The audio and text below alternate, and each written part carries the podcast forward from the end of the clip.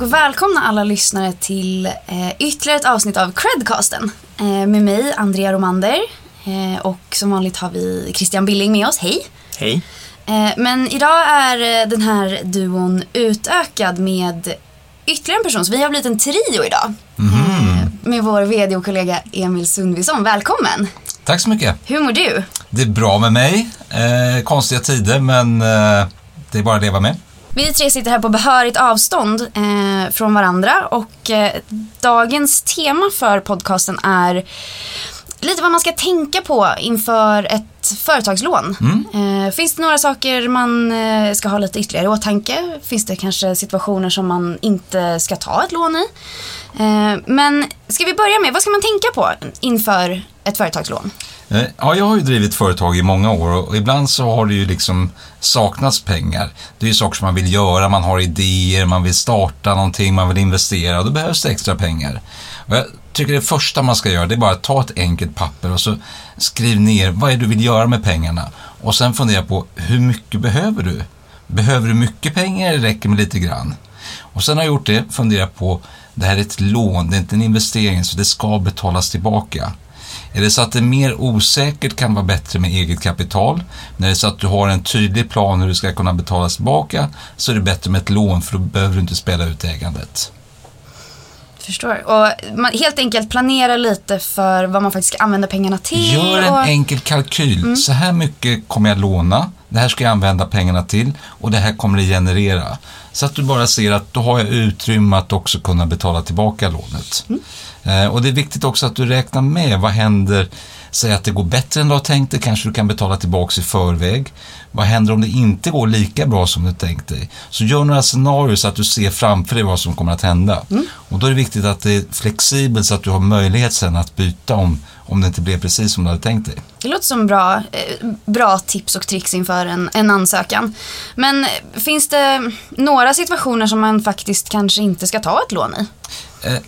Ja, om du redan har flera lån och fler lån än du kan bära, ta inte ett lån till, du bara gräver gropen djupare. Då måste du hitta något annat sätt att lösa ditt problem. Då avråder jag definitivt från att ta ett lån. Och ett lån är ju lite sådär att det kostar ju alltid att ta ett lån, det är inte gratispengar utan de ska tillbaka. Eh, Så fundera på vilka alternativ du har. Det är viktigt. Vilka andra alternativ skulle det kunna vara? Ett alternativ till företagslån alltså. Eh, Ett alternativ är att du kanske minskar dina kostnader, du drar ner på din egen lön. Eh, Du kanske kan få någon annan att investera i bolaget. Du kanske kan sälja fakturor istället för att ta ett lån. Ehm, Du kanske kan hyra någonting istället för att köpa. Så det finns massa sätt som man kan vrida och vända på.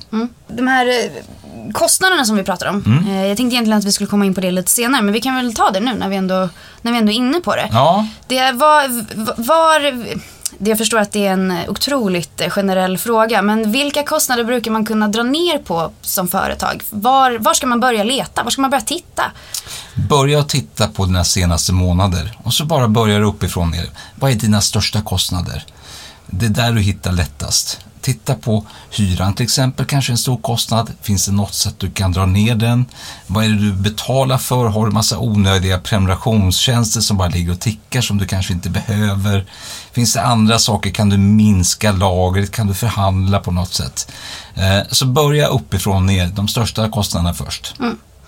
Och där får man heller kanske inte vara, man får inte vara rädd för att eh, ta kontakt med de personer som man eventuellt skulle kunna hjälpa en med liknande kostnader, hyra och så vidare. Nej, så är det. Många, många avtal ligger bara tickar och tickar och förhandlas, förhandlas aldrig om. Där finns det mycket man kan göra. Och vi var ju inne på det lite i början här att det är ju en speciell situation där ute just nu. Det är Ja, det ju är många det. småföretagare som står inför otroligt tuffa eh, situationer. Kan man, givet att det är coronapandemi just nu, finns det någonting man ska tänka ytterligare på kanske inför ett eh, företagslån? Eh, Just nu så finns det ju många möjligheter där man kan söka, söka statligt stöd. Så där skulle jag verkligen rekommendera att man börjar titta. Eh, Kan du skjuta på skattebetalningar? Kan du eh, permittera personal om du har överskottstid? Eh, Du kanske kan få ett omsättningsstöd. Det finns många alternativ just nu. Eh, En del tar lite längre tid att få, eh, men där skulle jag börja. Eh, och idag finns det väldigt många som erbjuder företagslån, eh, framförallt företagslån online. Eh, hur ska man tänka egentligen? Viktigt att du gör din research och tittar lite på långivarna som finns. Kolla vad de har för referenser, är de etablerade, har de goda referenser? Sen så är det viktigt att du kollar villkoren också, att du verkligen förstår när du tar ett lån vad som gäller. Eh, en del har startavgift, en del har möjlighet att betala tillbaka i förtid. Och den här flexibiliteten är ju väldigt viktig, att om du inte behöver pengarna längre, eller om du skulle hitta något annat bättre, se till att du har möjlighet att lösa lånet när som helst utan att bli sittande i en lösning som du inte vill ha. Eh, och om det nu är så att man tog ett lån innan coronapandemin slog till, eh, hur ska jag tänka kring det här aktiva lånet idag?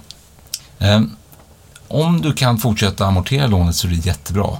Är det så att du inte kan amortera lånet så tycker jag istället för att ta ett nytt lån, prata med din långivare och diskutera hur ni kan lägga upp det. Kanske ni kan skjuta på amorteringen till senare tillfälle tills det ordnar upp sig igen. Och vi var inne på det i föregående fråga. Vi pratar om eh, de här fintechbolagen. Men vad är största skillnaden mellan att eh, vända sig till eh, en aktör som Cred eller mot en storbank exempelvis? Den stora skillnaden mellan cred och bankerna är framförallt bemötandet och enkelheten. Att söka om ett lån hos cred är väldigt enkelt. Bankerna tar väldigt mycket information, det är mycket papper som ska fyllas i och det tar relativt lång tid för dem att komma till ett beslut.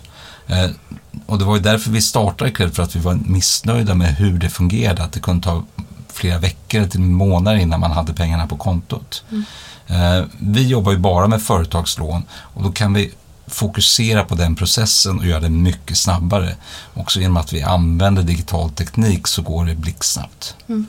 Där är vi inne på den flexibiliteten också som vi pratade om tidigare. Att det är viktigt att se över var den, var den finns och mm. vilken, vilken typ av flexibilitet som kanske passar ditt företag bäst. Mm. Eh, jag skulle säga att bankerna är väldigt duktiga när det gäller stora lån, alltså från 10 eller 100 miljoner kronor eller kanske miljard kronor. Men för mindre lån så är det för lite pengar för att de ska orka bry sig. Eh, det är väldigt trendigt att jämföra produkter och tjänster nu för tiden, så även för, för vår bransch kring företagslån. Hur ska man eh, tänka som, eh, som kund? Jag tycker det är väldigt förståndigt att jämföra olika alternativ. Eh, titta på olika bolag, vad de kan erbjuda, jämför villkor. Det finns också jämförelsetjänster Eh, lite av problemet med jämförelsetjänster är att långivaren får aldrig möjlighet att känna ditt bolag utan man tittar bara på en kreditupplysning och då blir långivarna lite mer försiktiga. Så att man eh, har inte tillräckligt på, på fötter helt enkelt för att ta ett eh, bra beslut? Varje bolag är unikt och jag tycker du ska välja ett bolag där man verkligen försöker förstå din unika situation. Så för att sammanfatta, Eh, Emil, dina topp tre saker att tänka på inför att man ska ta ett företagslån? Tänk igenom hur mycket du behöver. Tänk igenom vad du ska göra med pengarna. Tänk igenom hur du ska betala tillbaka lånet. Superbra. Tack så jättemycket för att du eh, tog dig tid att sitta här och prata företagslån med oss. Tack Andrea. Tack Christian. Tack.